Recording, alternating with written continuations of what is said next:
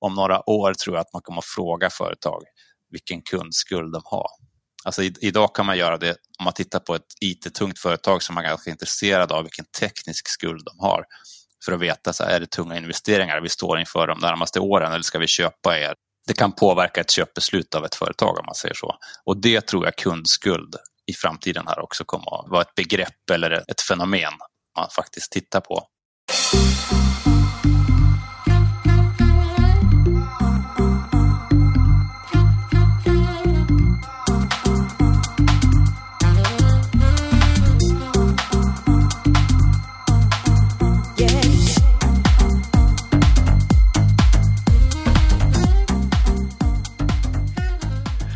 Välkommen tillbaka till ett nytt avsnitt av Digital marknadsföring med Tony Hammarlund.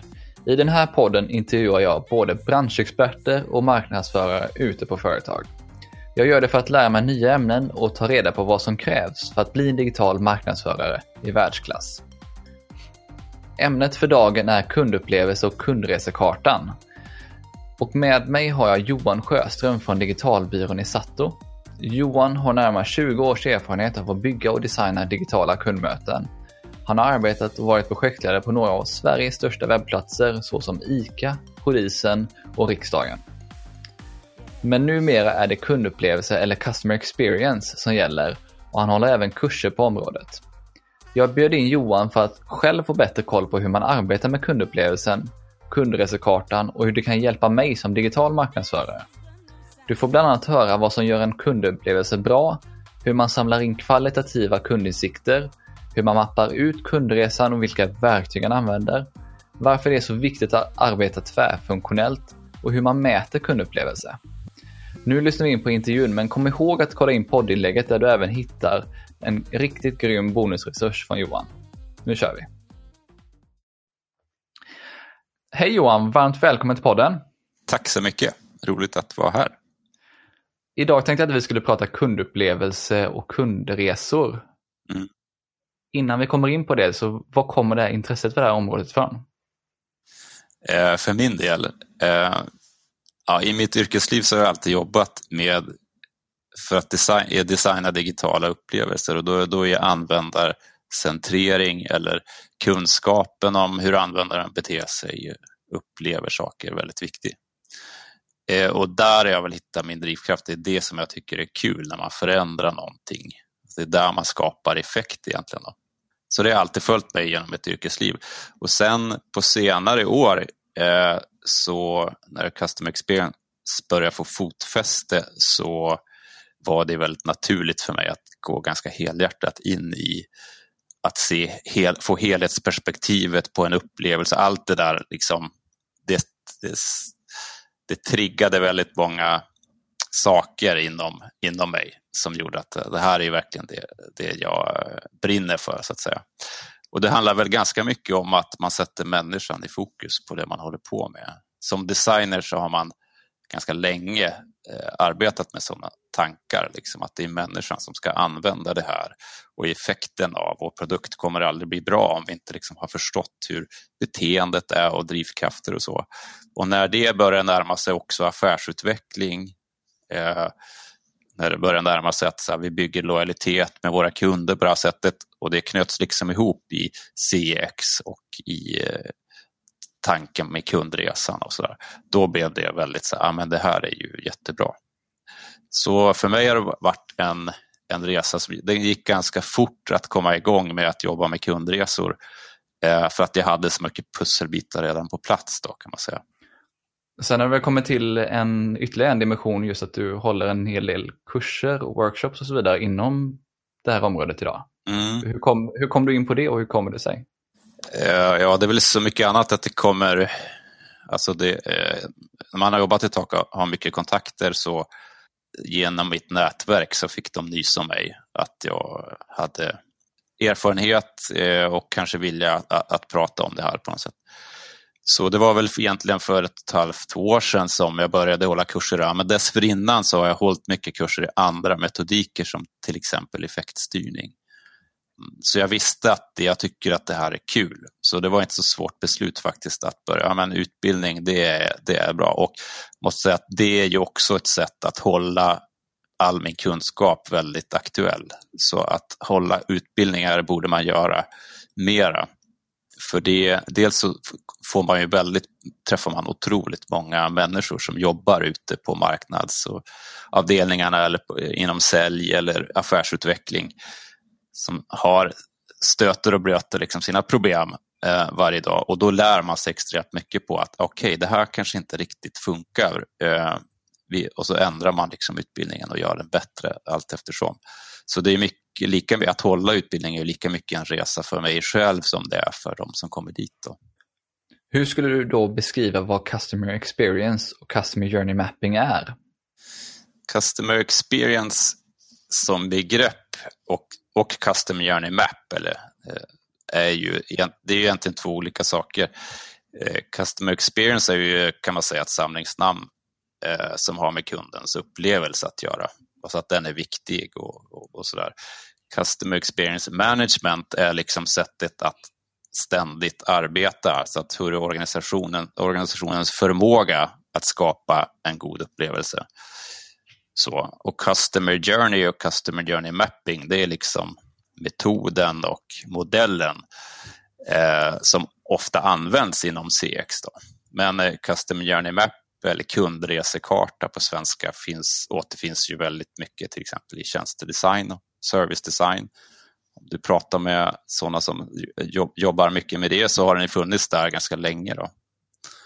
Men om man, om man liksom backar tillbaka lite grann för att se historiskt på CX så är det ju en hyfsat ny företeelse. Alltså att börja använda upplevelsen för att differentiera sig. Så har väl liksom den akademiska världen funnit att ja, men det, det kommer att vara grejen här. I, så i mitten på 90-talet någon gång så kom, vaknade den akademiska världen till och sa att ja, upplevelse kommer att vara viktigt för att vi förstår att människans psykologi eh, påverkar. Alltså det, det, är inte så att vi alltid den, kunden upplever saker som vi inte alltid förstår. Så hur, hur kan vi, och så finns det då massa forskning kring det. Och det, det här begreppet eh, the experience economy eh, myntades där någon gång på 90-talet. Det är, här börjar man, eh, är grogrunden för CX. Men det var inte förrän kanske 2007 som det faktiskt tog fart när det, några amerikanska managementkonsulter då tog tag i det och skrev ett ramverk kring hur ska vi arbeta då för att ständigt kunna skapa bra eh, upplevelser till våra kunder. Eh, och då börjar den ta fart hos företagen också och då har det gått ganska fort. Då. Idag säger ungefär alltså storleksordningen 80-90 procent av amerikanska företag att experience det är vårt huvudsakliga sätt att konkurrera på marknaden. Alltså som, så, så här, från att vi har jobbat med produkten och särskilt den liksom, från tidigt 1900-tal till att jobba med varumärket som liksom, så att koppla ihop en, eh, varumärket med produkten. Den är inte bara produkten, det är någonting mer. Till att jobba med relationen, alltså relationsmarknadsföring, så kopplar vi nu på upplevelsen. Custom Journey Mapping som du är inne på som en del av det här ramverket när man använder, arbetar med kundupplevelse. Vad skiljer den egentligen mot, alltså jag har ju kommit i kontakt med det här med köp, eh, köpresa och köppersonas, det är ju någonting som många marknadsförare har jobbat med tidigare. Mm. Vad skiljer det eh, från en, det här att jobba med kundresor? Mm. Ja, men det är eh, en bra fråga som man stöter på mycket. Men först ska man bara säga att här, Customer Experience då och Customer Experience Management, eh, där i, en del av det är att göra kundresor det har blivit ett bra verktyg för att jobba fram bra kundupplevelser och ha koll på helheten av hur kunden så att säga, möter oss. Och det har man ju förstått i och med liksom, eh, digitaliseringen och hur kunden, vi kunder och konsumenter beter oss på nätet så har det vuxit fram ganska tydligt hur vi behöver möta kunderna på nätet. Och som marknadsförare så jobbar man ju med det varenda dag. Alltså hur, hur, hur möter vi alltså så hur får vi awareness? Eh, hur, hur jämför man oss där ute på nätet och hur, hur landar vi dem i ett köpbeslut? Liksom? Det har ju blivit ganska utvecklat och det är ju eh, oftast liksom det, de tidiga faserna i hur vi möter kunden idag brukar ju korrelera ganska bra med en köpresa på det sättet. Då. Som man kanske använder om man är duktig på inbound marketing eller sådär. då, har man, då har man gjort den ganska väl och man har ganska utmejslade personas och sådär. Men, men en kundresa, en kundresekarta i, i dess rätta bemärkelse, då, den, den, den tar ju om hand om hela kundresan. Alltså vad händer efter köpet då? Eh, jo, då, det är ju den tid som vi kanske då har kunden som allra längst och, och, och, vad händer, och till och med kanske vad händer när den inte är kund hos oss längre. Då, är, är den. Eh, så att, så att eh, och, och, det är väldigt viktigt att, att, förstå att det här korrelerar. Alltså lojalitet kan vi inte skapa med en smidig köpprocess. Utan eh, tar jag försäkring till exempel så är det uppenbart att, att handla en försäkring idag på nätet är ganska enkelt. Det har blivit enklare och enklare att köpa en bilförsäkring på nätet. Men det är så uppenbart att den eh, upplevelsen av min bilförsäkring, om jag kommer att prata gott om mitt försäkringsbolag, det har ingenting att göra med köpprocessen utan det har bara att göra med hur jag upplever, att, upplever själva eh, försäkringen, det vill säga när jag krockar bilen.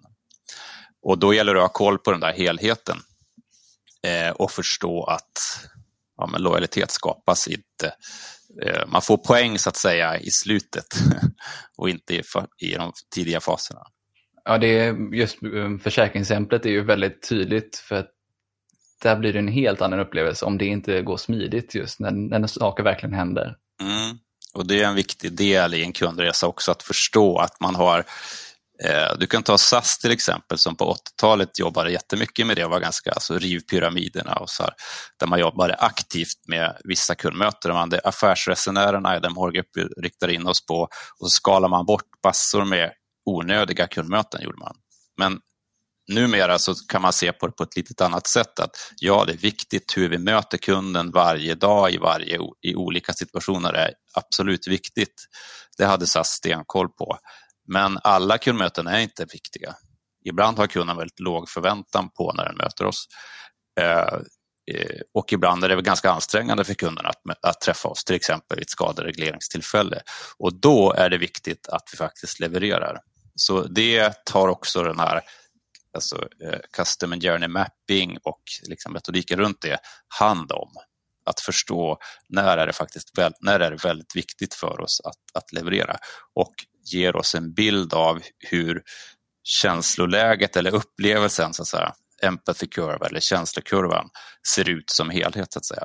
Och då ger det oss också ett stöd och en hjälp i att prioritera våra insatser eh, rörande en tjänst som vi har. Vad är det som gör en kundupplevelse bra, skulle du säga? Det finns lite olika sätt att beskriva den, men, men eh, jag brukar prata om det man kallar eh, upplevelsepyramiden när man, när man tar kontakt med ett företag så har man en avsikt. Eh, ett behov, man har ett informationsbehov. Eller man kommer in på en webbplats till exempel för att man vill veta någonting. Och Det enklaste sättet att möta det är att ge den på ett enkelt sätt och då kommer det här andra in. att så här, Ja, hur enkelt var det då? För ingen av oss vill ha krångliga saker.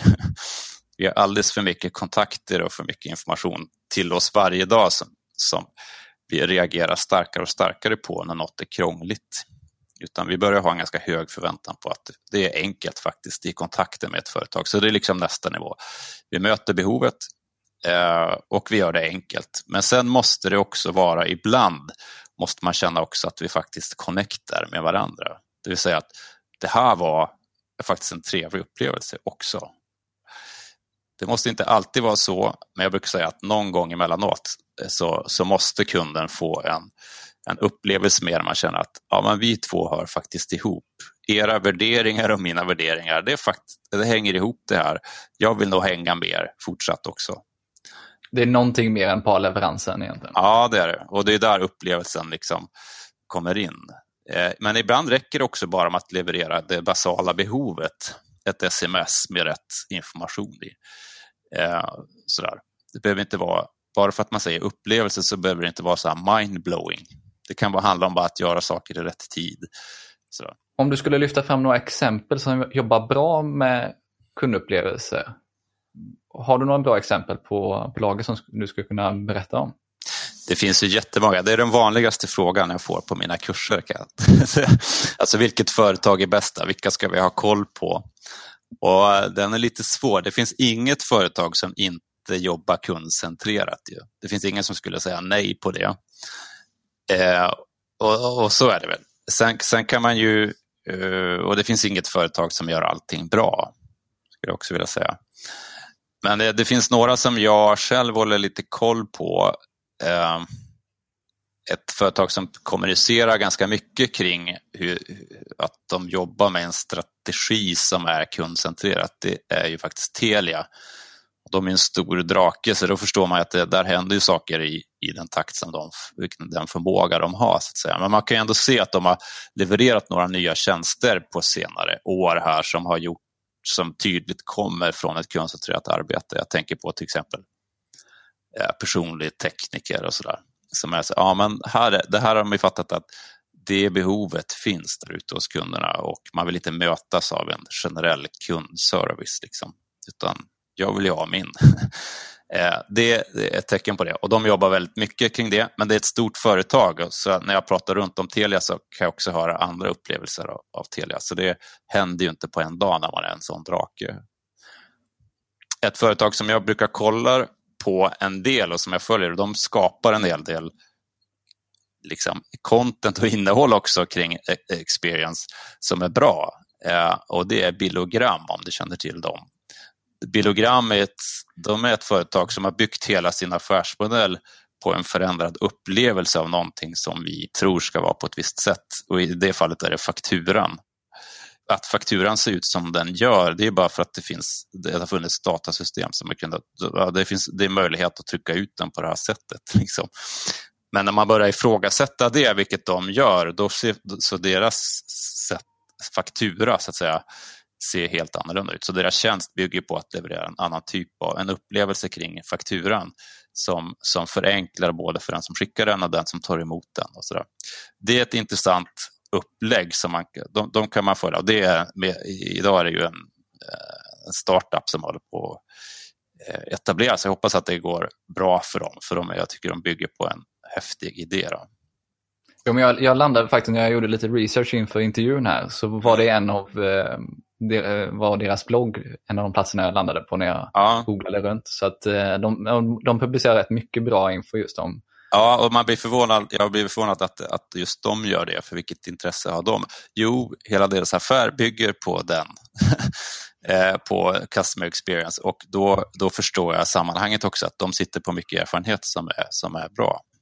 Sen tycker jag det är lättare och lite enkelt då och jämföra sig, ja men det finns en del startups som är bra. Eh, jag tycker det finns, ett, det finns ett klädmärke som heter Asket, om du känner till dem. Det, ja. Du och jag är väl typ målgruppen för dem.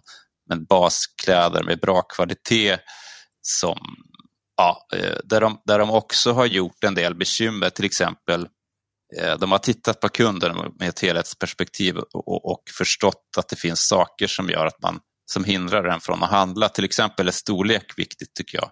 Och då har de liksom utformat produkten så att ja, men en t-shirt kan man ju få i många fler olika storleksvarianter, men som är ganska enkelt att förstå sig på. Alltså, ja, ja, det är klart, jag ska ha en medium, fast lite längre. Det är min storlek. Och, och, då blir det enkelt att beställa, för att jag vill inte hålla på och skicka tillbaks. Även om det är enkelt att skicka tillbaks så tycker jag det är en onödig transport. Jag vill liksom inte bidra till det. Så de tycker jag har gjort ett bra arbete även i hur de möter och säljer saker. Alltså hur de eh, säljer tratten på nätet, så att säga, vilka kanaler de använder och hur de enkelt de har gjort köpet. Så. Det, det är en kundresa som håller ihop det, ska jag säga. Sen, är de, sen är inte, med det sagt inte, vet jag ingenting om hur de strategiskt jobbar med customer experience, men utkomsten av deras arbete är, eh, så ge, den ger bra betyg, så att säga. Mm. Är den känslan du får när du tittar på det? Ja, absolut. Mm. Ja. Men sen har jag egna exempel på, och då kan man ju inte... Alltså, att använda kundresan som... Alltså kundresekartan har ju, eh, har ju nytta i sig då. Och då kan jag, jag har väl ett exempel, en kund som jag själv har jobbat med på senare tid är eh, UC. UC tror man ju kanske, många tror att det är en myndighet men det är det inte, det är ett privatägt företag eh, som, som, finns i bankvärlden och ägs av, av bankerna. Men de gör och, och kämpar på som alla andra i bankvärlden gör med eh, stora gamla läggarsystem och, och liksom sådär som gör att det ibland är svårt att jobba aktivt med eh, en kundupplevelse. Men erfarenheten av att ha jobbat med att ta ut en kundresa för ett, en specifik kundgrupp som de har, där de har en mjukvara som de säljer till kunden, Eh, var att eh, vi ganska snabbt när vi mappade upp kundresan fick en väldigt bra gemensam bild från marknadsavdelningen, försäljning till produktägare eller liksom affärsområdena som, hade, som ägde produkten eh, och kundtjänst så att säga. Ja, och när vi fick den så kunde vi ta ganska radikala beslut på, som sa liksom att ja men vänta vi jobbar ju vi har till exempel att vi har, väldigt, vi har alldeles för lite kundkontakt. Så att säga. Här, vi måste möta kunden och vi jobbar för ensidigt i vissa kanaler. Så vi fick en radikalt mycket mer, en annorlunda prioritering där vi tillsammans tittade på den. Så när jag kom dit så var hade man gjort ett ganska stort förarbete kring att bygga om den här mjukvaran som man säljer. Då.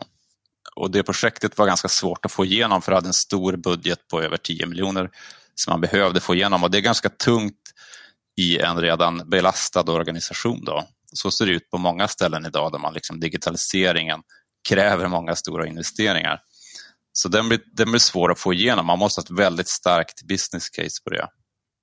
Men via kundresan så kunde vi se att men vi kan göra åtgärder som åtgärdar de här problemen vi har, tar oss närmare kunden, skapar mer kundyta så att säga med kunden till en kostnad som bara är en bråkdel.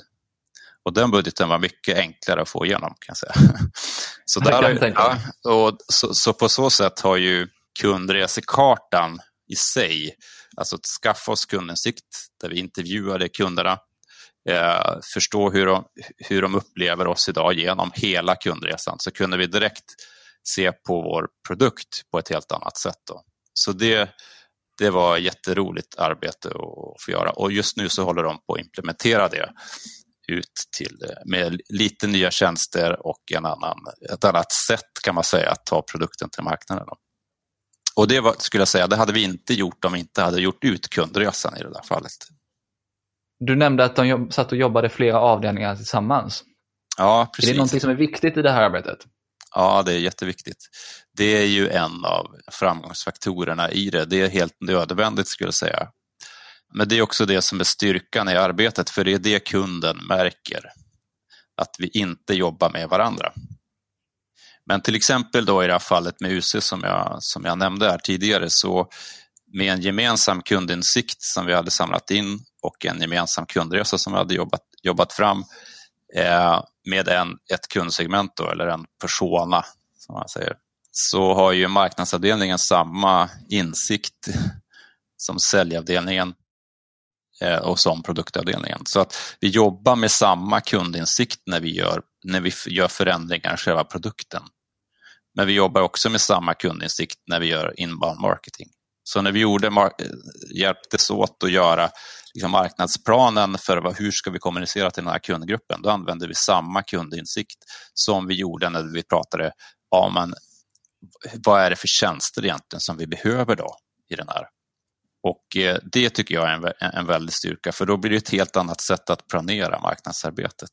Man blir mycket mer synkroniserade med eh, de som äger produkterna som ibland kan komma, upplever jag, då, att man kan komma från affärssidan med ganska så snabba, ja, bra nu ska vi ut med den här, se till att kommunicera ut det bra så att, vi, så att den får liksom reach på, på nätet.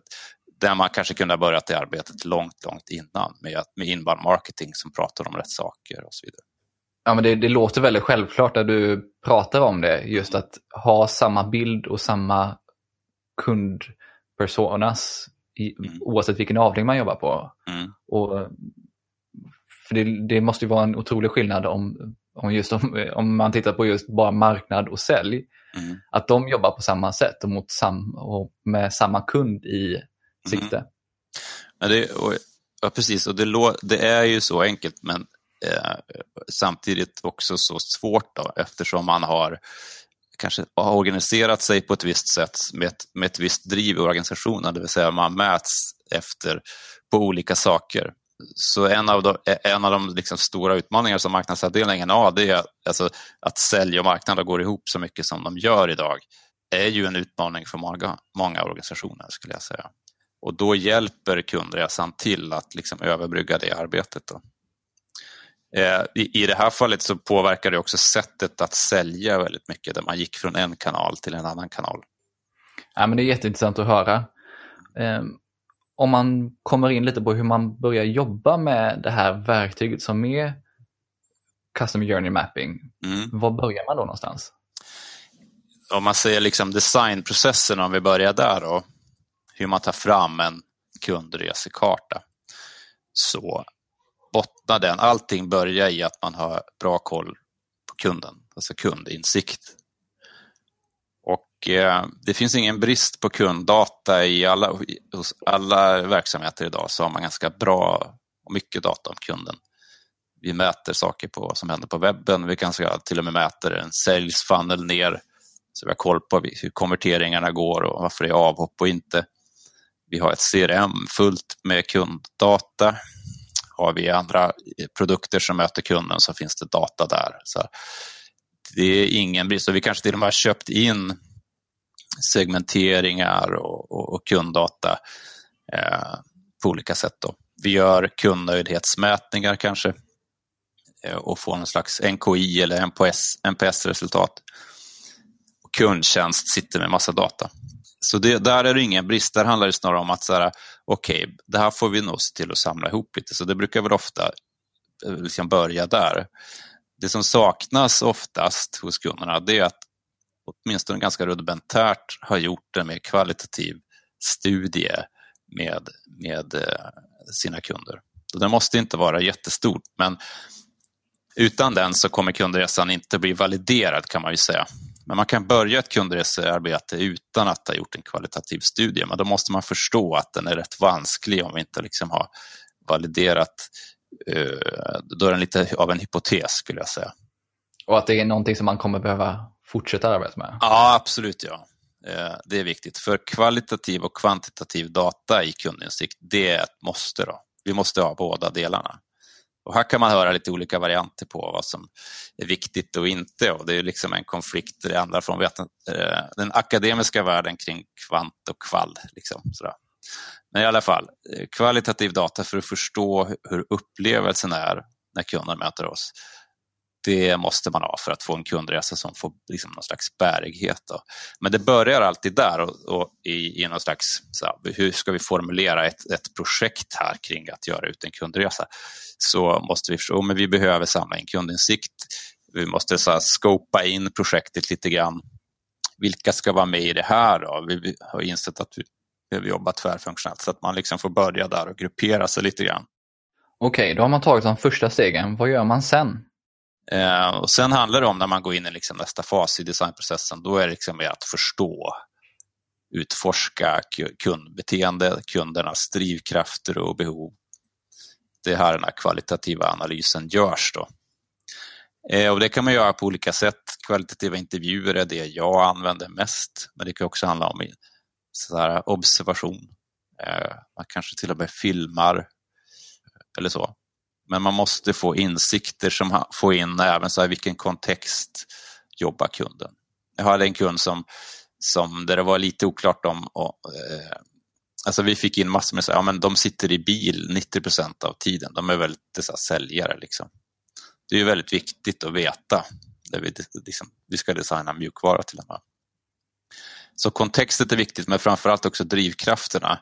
Se, eh, vad man har, hur, hur, man ser på sig själv i sin yrkesroll. Alltså så att man eh, frågar väldigt öppna frågor.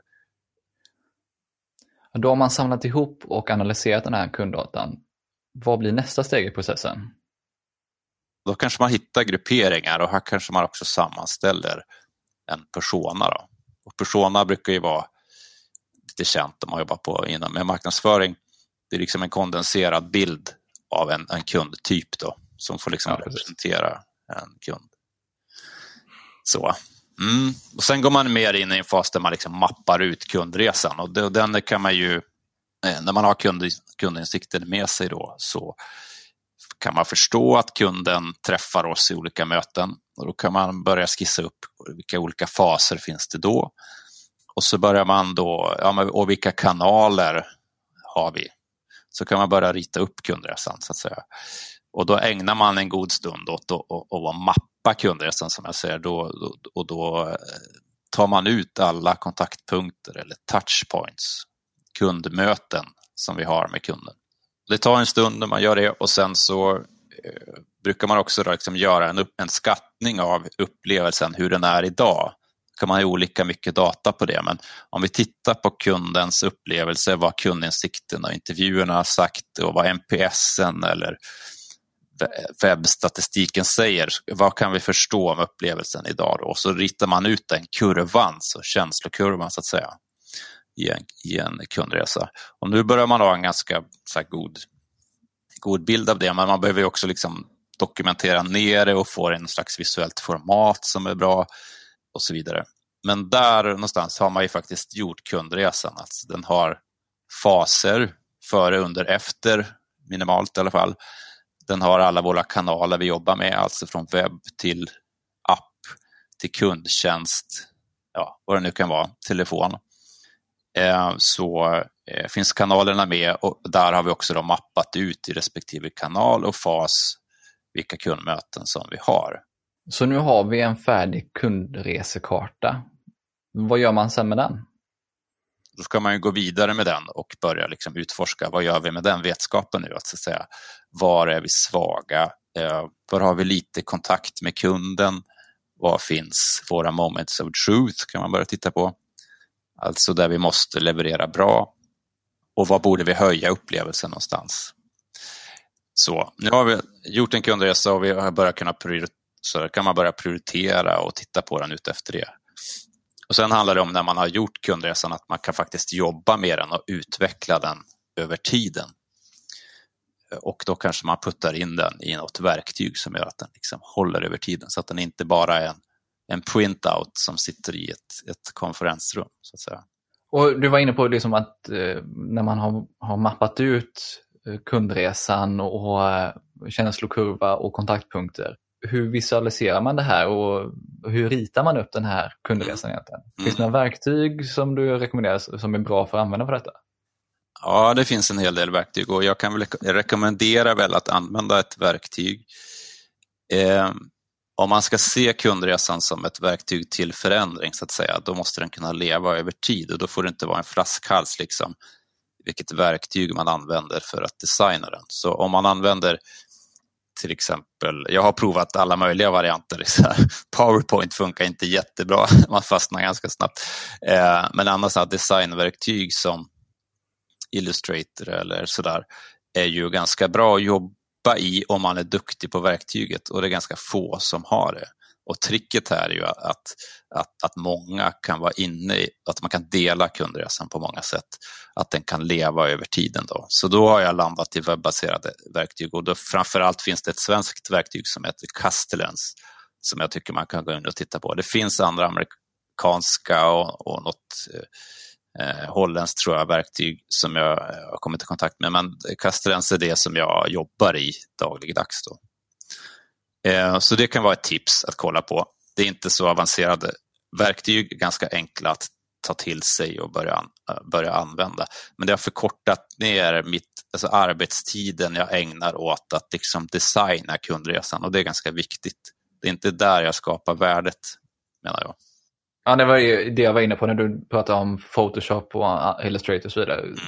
Just att man har ett verktyg som är enkelt att jobba i och där processen med att skapa det inte är det som är intressant, att, eller rättare sagt designa det, utan att det är vad man får gjort. Precis, det får inte bli en flaskhals alltså att det är en person i verksamheten eller någon extern som, som sitter på liksom så här, ja men jag kan uppdatera kundresan. Det kommer inte att funka. Då kommer, inte, då kommer den inte att flyga liksom över, över tiden. Och, och eh, Det är viktigt att kunna dela det också. Alltså, vi jobbar tvärfunktionellt och vi måste sprida budskapet. Så när man jobbar i ett sånt här projekt så, så behöver man ju eh, ha en liksom, det är bra om man har en slags plan för men hur går vi ut med det här i verksamheten. Det här blir ett annat sätt att jobba på. och så där. Då måste man kunna dela den och eh, det är bra om man jobbar med ett verktyg som, som har möjlighet till det, då, skulle jag säga. Ja, både dela och just att kunna snabbt och enkelt uppdatera saker och ting så att det inte blir någonting att man pratar om det som att gå och titta på, eh, titta på det här dokumentet men kom ihåg att vi har justerat de här faserna. Ja, exakt. Mm. Nej, men, och använder man ett webbaserat verktyg då, som till exempel Castellan så är det just webbaserat, det vill säga att det går att länka till andra saker. Så har man kundresan där som en hubb lite grann för, för kundinsikt, så att säga, att man kan samla det där, eh, så, så har man ju massor med andra saker där man, har, där man driver projekt, så att säga. Om det är IT-relaterade projekt eller på marknadsavdelningen man kör, så kanske man har andra projektverktyg hos oss som man jobbar med där som är bra. Ja, men bra, men då kan man ju länka dit och säga att så här, ja, här, nu ska vi jobba och åtgärda det här kundmötet och det görs just nu och här är en länk till den Trello-boarden. Liksom. Och då kan man använda det så. Så det tycker jag är en fördel om man använder ett webbaserat verktyg. Då.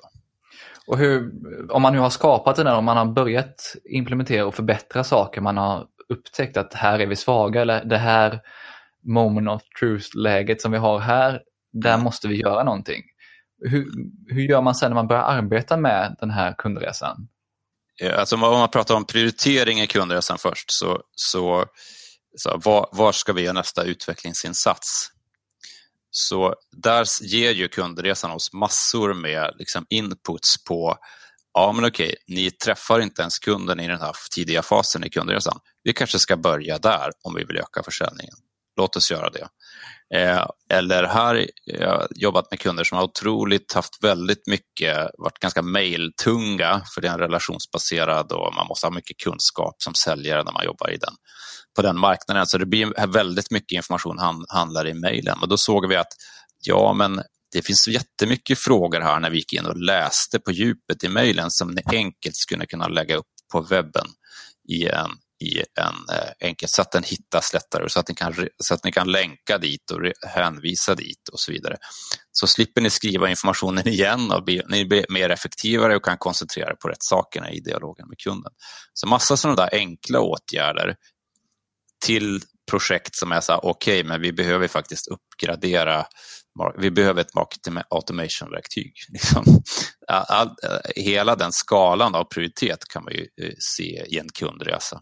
Där när du kommer in på det här med marketing automation, för det är ju någonting som är väldigt, eh, även om det var ett par år sedan det blev vad som alla heter, så är det fortfarande, det är många som vill implementera det och håller på att implementera det. Mm. Eh, det känns som att just att få koll på kundresan kan vara väldigt, är nästan avgörande för att man ska kunna göra det bra inom marketing automation. Hur, vad, vad, tycker du där kring eh, vad ska komma först? Ja, ja. du kan ju gissa kanske till det, men eh, ja, eh, så här, jag tycker väl eh, det är ganska många som har känt på hur det är att närma sig ett marketing automation-verktyg och när man gör det så inser man att det handlar ju väldigt lite om själva verktyget, för de flesta ser ganska har typ samma funktionalitet och är lite dyrare eller, eller lite billigare, men men det handlar om hur vi arbetar och det handlar om vilken kunskap vi har om hur vi ska möta kunden. I synnerhet i de tidiga faserna i kundresan. Och då kommer det dit liksom att nej, men vi behöver ha koll på kundresan helt enkelt.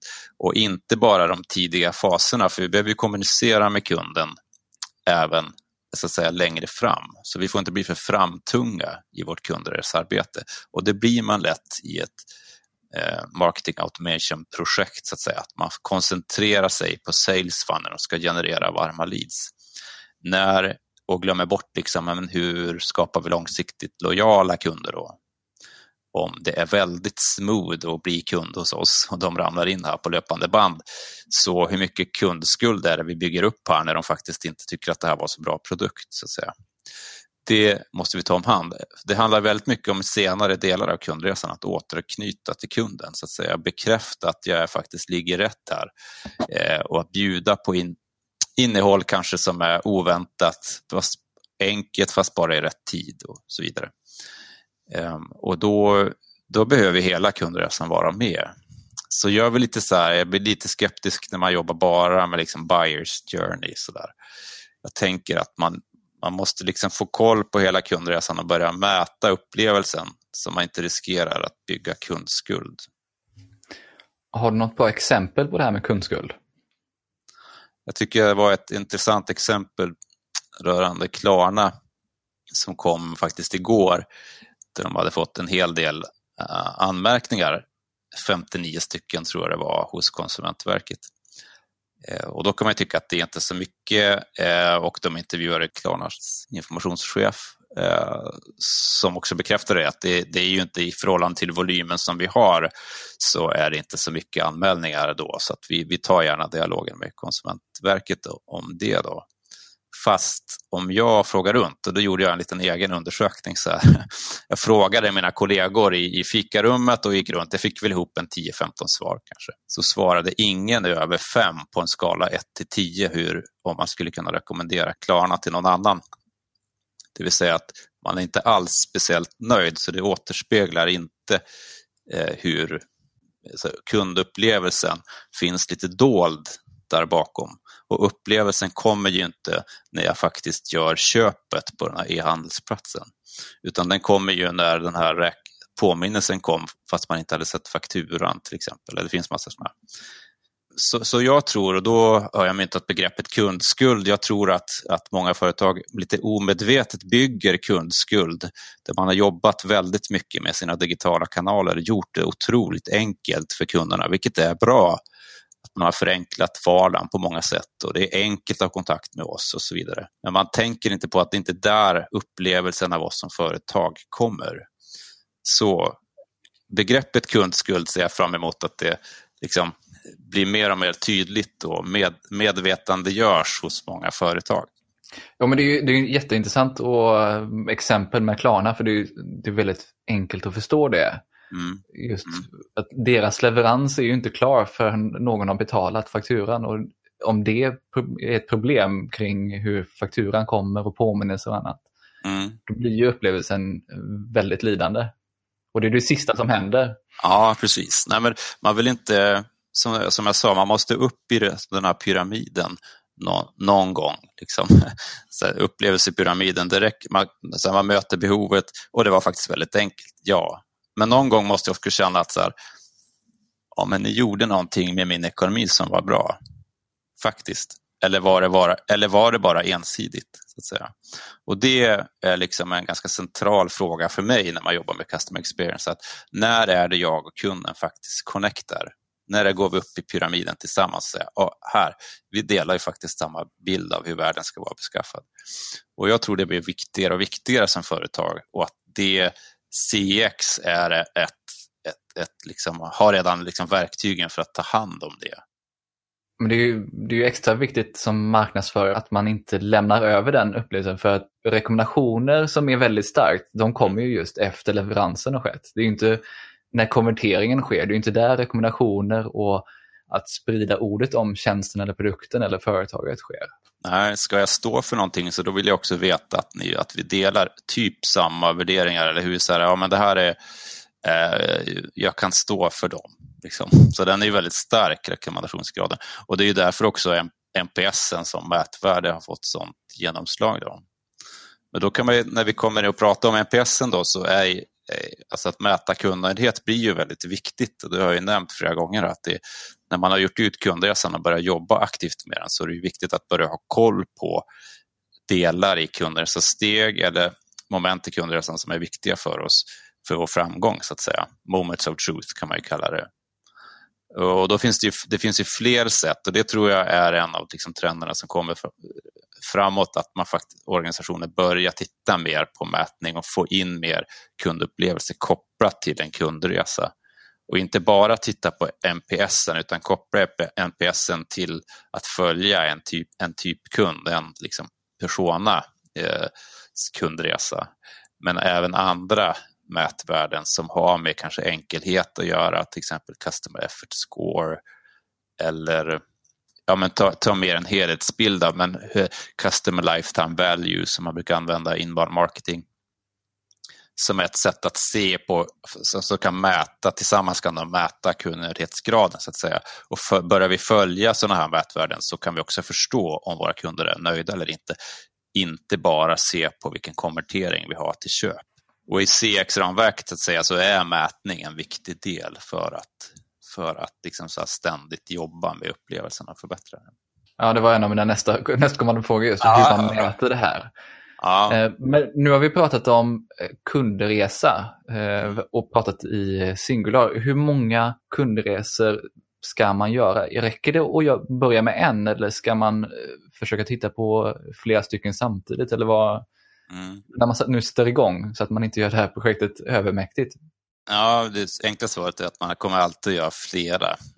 Men och det, det, där vet man inte förrän man börjar titta på det. Men i ett stort företag så räcker det aldrig med att ha någon slags övergripande generell kundresa utan man, måste ju, man kan ju titta först på, räcker det om vi bara tittar på produkt så, eller ännu hellre om vi har gjort ett riktigt kundinsiktsarbete kan vi följa en typ kund då, barnfamiljen eh, genom kundresan. Sen, sen, när man jobbar med den så kanske man inser att det här skiljer sig faktiskt inte så mycket från den här. Eh, när jag jobbade med ICA och ICA.se så jobbade vi jättemycket med SEO i USA och då, då brukar jag säga att jag och min mamma som är 70 år nu, hon, jag och min mamma, vi vill inte hitta lasagnerecept på olika sätt. Vi vill söka på lasagne ungefär så här och vi vill att det ska se ut ungefär så här när vi, när vi landar på en landningssida. Liksom. Det, och så är det ju även med det här såklart. Att vi kan inte, man kan aldrig designa ut för en varje enskild kund eller inte ens kanske för en kundgrupp, speciellt om man jobbar med stora kundvolymer. Liksom. Men eh, börjar man jobba, man börjar ju alltid någonstans. Och gör man en övergripande kundresa så kommer man att märka vad vi behöver gå på djupet. Ta ett försäkringsbolag till exempel som jobbar med säg, båtförsäkring så eh, kommer vi förstå ganska snabbt att vi kan ha en kundresa där vi följer en typ kund som är eh, eh alltså, typisk båtkund med ett visst intresse. Och då gör vi det, men vi inser ju ganska snabbt att eh, det är jätteviktigt att vi levererar bra i skadehanteringstillfället. Så den förtjänar en egen kundresa. Där går vi in på djupet i detalj och då har vi två kundresor där på en gång. Och kanske finns det motiv till att vi ska titta på en typ av kund som skiljer sig markant då från den här första vi jobbat med och då, då gör vi en kundresa på den också. Så det, det, det finns inget generellt svar på hur många kundresor man har, men att det är flera är oftast ganska säkert. Vad finns det då för vanliga fel du ser företag gör när de börjar jobba med det här? Ja, det finns många kundresor gjorda som inte blir av och då kan man fundera på vad det, vad det beror på. Och då tror jag oftast att de har haft fokus på en produkt. Så nu ska vi göra en ny webbplats eller vi ska göra en, en ny app som vi ska eh, sälja. Och då har man i det kontextet så har man tagit fram en kundresa för att förstå vad kunden behöver och så försöker man göra det med den här appen. Men sen då var det ett workshopmaterial som man tog fram som säkert kanske var ganska bra men det avstannar där och då handlar det om de här sakerna som man jobbar med i början. Alltså har man, har man människor med sig som jobbar på olika delar i organisationerna så alltså är det ett tvärfunktionellt team. Om vi inte har det, då kommer det att stanna på vår avdelning. Är, är det också människor i det teamet så att säga, som jobbar fram den som har en vilja att, att faktiskt göra någonting? Alltså är det här, finns det, kommer det finnas liksom har jag hjälp av dem när vi, när, eh, för att sprida CX-budskapet eller få, få bäring med, med kundresan. Det är en annan sån faktor. Eh, den andra är verktyget. Alltså jobbar vi inte på ett sätt med kundresan, med hur vi tar ut den och hur vi delar den och så vidare, så finns också risken att den stannar av därför, alltså att den ligger på någon hårddisk. Liksom. Eller den har, står helt ouppdaterad i ett, i ett konferensrum. Och då tappar den också betydelse. så att säga. Okej, okay, finns det något mer att tänka på där? Jag brukar rekommendera att inte börja med, liksom, man kan jobba fram kundresor som en vision, alltså som inte är ett nuläge, att hit ska vi med vår kundresa. Så tar man ut en kundresa som är ett, en, ett önskat läge. Det brukar inte bli så bra, alltså, eh, det blir skapa bra målbilder kanske och det är dit vi ska, men det är faktiskt nu som vi ska göra förändring. Så börja där ni står. Och då är det bra också om ni börjar med någonting där projektgruppen eller eh, ja, teamet som ska jobba med det också, där det finns mandat att göra något så mandatet är lite viktigt, att har vi, har vi själva förmågan att faktiskt skapa de förändringar som kundresan ger oss, då, då, då tenderar det också få mer fäste i organisationen. Så man inte är en entusiastisk individ och sen, sen är det inte så många andra som köper in på Nej. konceptet? Då, jag har hört många som man stångar sig ganska blodig då. Liksom. Man har en kundresa som man går med under armen i organisationen, men det, det, det blir det, det liksom, den, det får inte bli min bebis, liksom. utan då, då kommer det stanna här hos, hos mig. Utan jag måste hitta gelikar som tänker lite lika som jag och som finns tvärfunktionellt i organisationen. Då har jag mycket möj bättre möjlighet att få, få göra det. Så hocka ihop med liksom en, en, ett affärsområde där det finns en produktansvarig till exempel eh, och en, en på, på marknadsavdelningen som, som, ja men det här tycker jag är jättekul, det här vill jag jobba med, bra. här har vi nog en ganska bra match.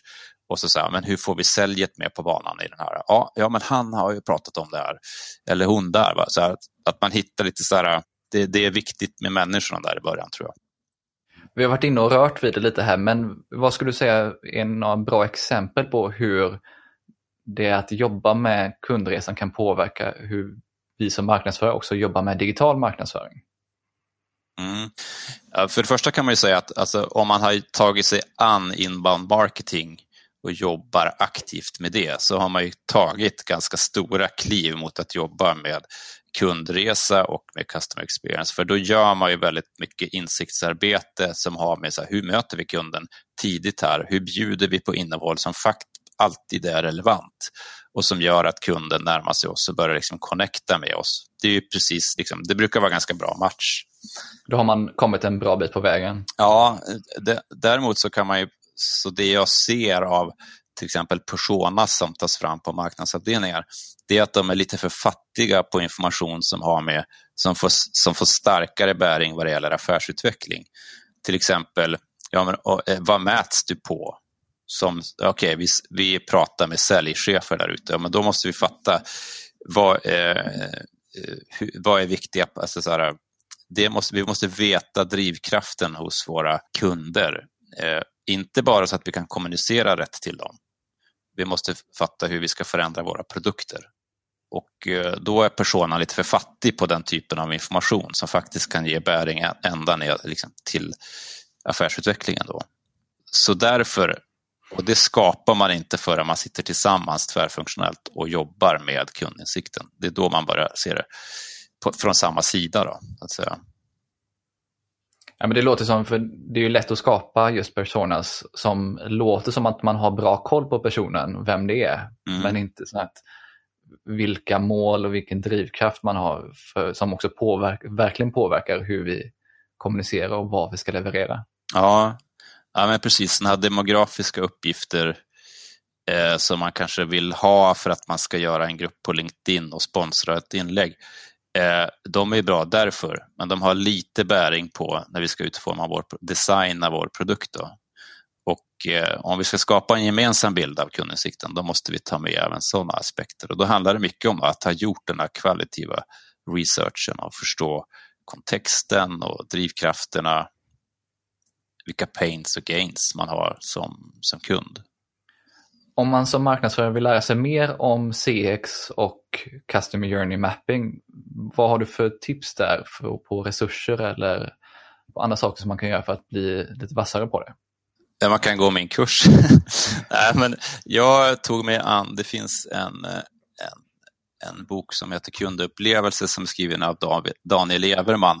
Han är väl liksom servicedesigner sedan många år tillbaka. Och han, han tar upp kundresan och kundupplevelsen på ett ganska enkelt sätt. Så det är en bra ingång tycker jag om man tycker om att läsa eller lyssna på, på böcker. Om man vill gå vidare efter att jobba mer med liksom CX som ramverk, då finns det två amerikaner som man kan följa. Eh, eh, Carrie Bodin heter hon och eh, hon har skrivit tillsammans med någon som heter Manning, tror jag, en bok som heter In, eh, Outside In som mer pratar om liksom CX som affärsdisciplin, där kundresan är ganska central, men där man mer pratar om hur, men hur förändrar vi oss i organisationen för att kunna producera över tid bra kundupplevelser. Så den skulle jag väl kunna säga, den är lite tyngre men å andra sidan lite mer, har lite mer eh, kraft då kan man säga.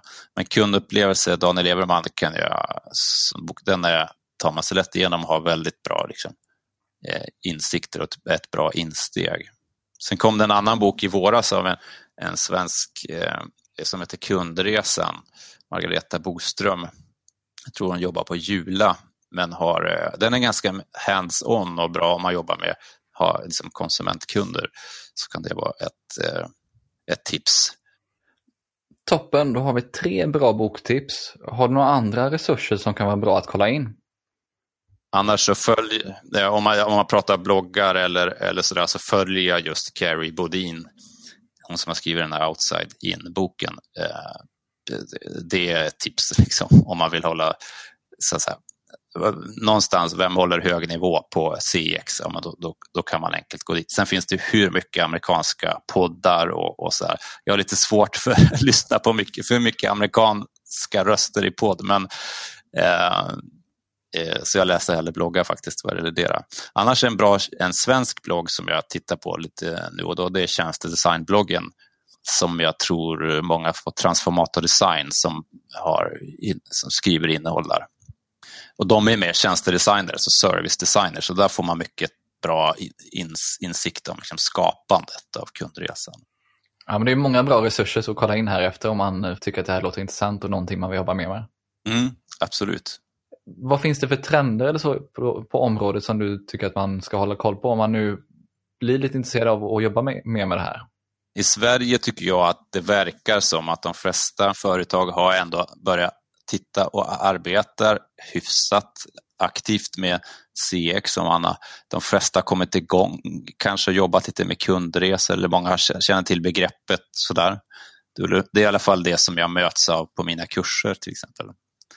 Men, eh, eh, men däremot så har, har det inte kommit igång med att skapa verksamhetsförändringar i organisationerna utan de har kanske skapat nytta i enskilda projekt. Så då, då är det rimligt att tro utifrån det att i Sverige så kommer det komma mer att man jobbar, det kommer göras mycket mer kundresor framöver, absolut. Eh, vi kommer att se eh, att man för in alltså kundnärhetsmätningar eh, som inte bara har att göra med NPS som vi mäter en gång per år, eh, utan vi kopplar den tydligare till en specifik kundresa och att vi mäter på andra sätt mäter nöjdhet där vi vet att det är viktigt för oss. Och, och eh, jag tror att vi kommer att se liksom mätning där vi både tittar på kundnöjdhet och den, den typen av kopior tillsammans med hårda kopior som mäter vår säljtratt och hur effektiv den är och sådär. Så mätning tror jag det, eh, det kommer vi se mer av fram, eh, framöver, eller liksom CX ute på företagen. Och jag ser fram, apropå det här exemplet med Klarna, jag ser fram jag, jag propagerar för det här begreppet kundskuld och försöker etablera det på marknaden. eh, att, att, att, det, att när man tittar på ett företag, så alltså, om några år tror jag att man kommer att fråga företag vilken kundskuld de har. Alltså, i, idag kan man göra det om man tittar på ett IT-tungt företag som man är ganska intresserad av vilken teknisk skuld de har för att veta, så här, är det tunga investeringar vi står inför de närmaste åren eller ska vi köpa er det kan påverka ett köpbeslut av ett företag om man säger så. Och det tror jag kundskuld i framtiden här också kommer att vara ett begrepp eller ett fenomen man faktiskt tittar på. Eh, och företagen förväntas ha koll på det. Jo, men det känns som ganska självklart att ha koll på de här bitarna egentligen när du pratar om det. Men, eh, men det är klart att det är kanske någonting som många branscher inte tänker på när de bara fokuserar på att få in kunder genom dörren. Ja, exakt. Och har vi haft ganska många år när vi har jobbat väldigt mycket med digitalisering och skapa andra typer av digitala kundmöten med kunden och ägnat kanske mindre tid åt att faktiskt ta reda på hur kunden, vad kunden tycker om oss. Så att säga. Även om vi frågar massa så har vi inte kopplat det till kundresan ännu. Avslutningsvis skulle jag gärna vilja höra, för du har många år i branschen, både när det gäller CX och effektstyrning och arbeta med mängd olika projekt. Mm. Om man fokuserar på det här digitala marknadsförare, hur skulle du säga, vad är det viktigaste för att bli riktigt duktig som digital marknadsförare? Alltså att, att ha koll. Jag märker ju själv att jag får mer gehör, jag får mer makt om man kallar det det då, när jag är den som har koll på kundinsikten och det har jag ju inte bara för att jag har kollat i Google Analytics utan för att jag har pratat med kunderna. Och som extern när jag kommer in så kan ju kunderna säga saker till mig som de aldrig skulle säga när företaget själv pratar med dem. Men eh, så in, att vara duktig på det, det är en framgångs... Det tror jag är viktigt för en modern marknadsförare.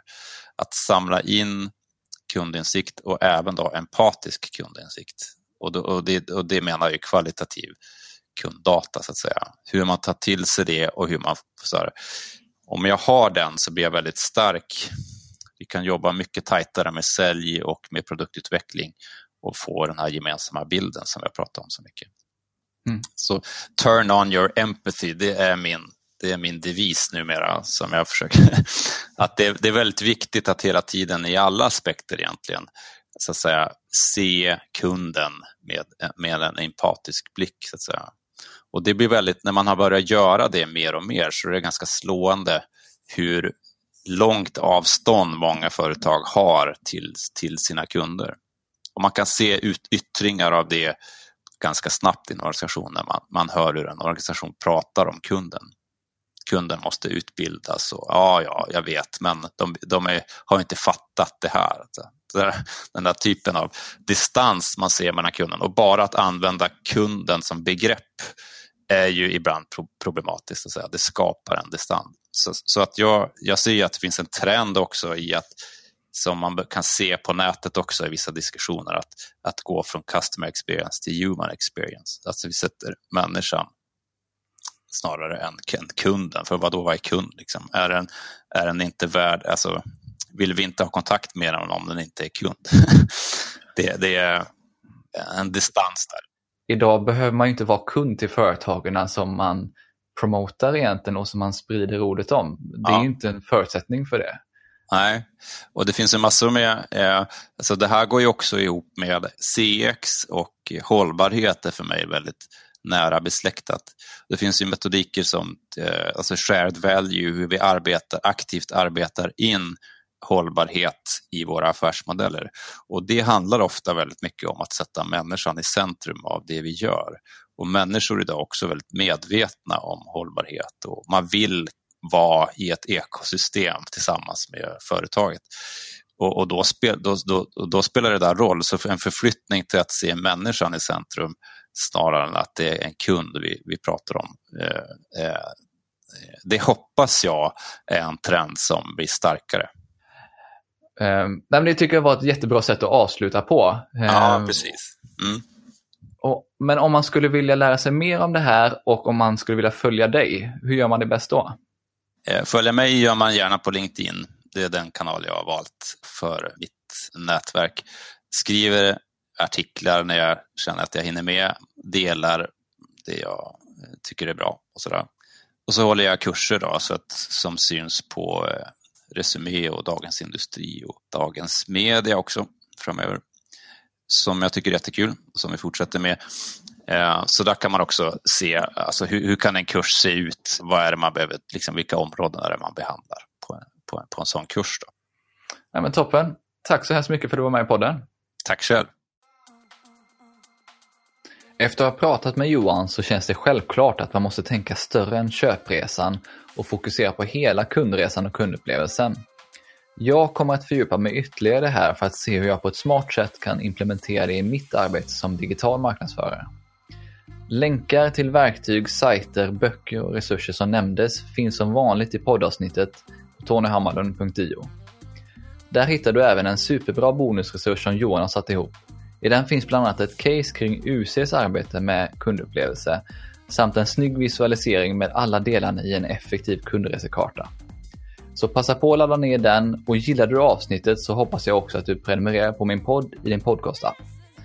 Tack avslutningsvis till Mikael på Newbreeze Music som både står för musiken och klippte avsnittet. Vi hörs snart igen.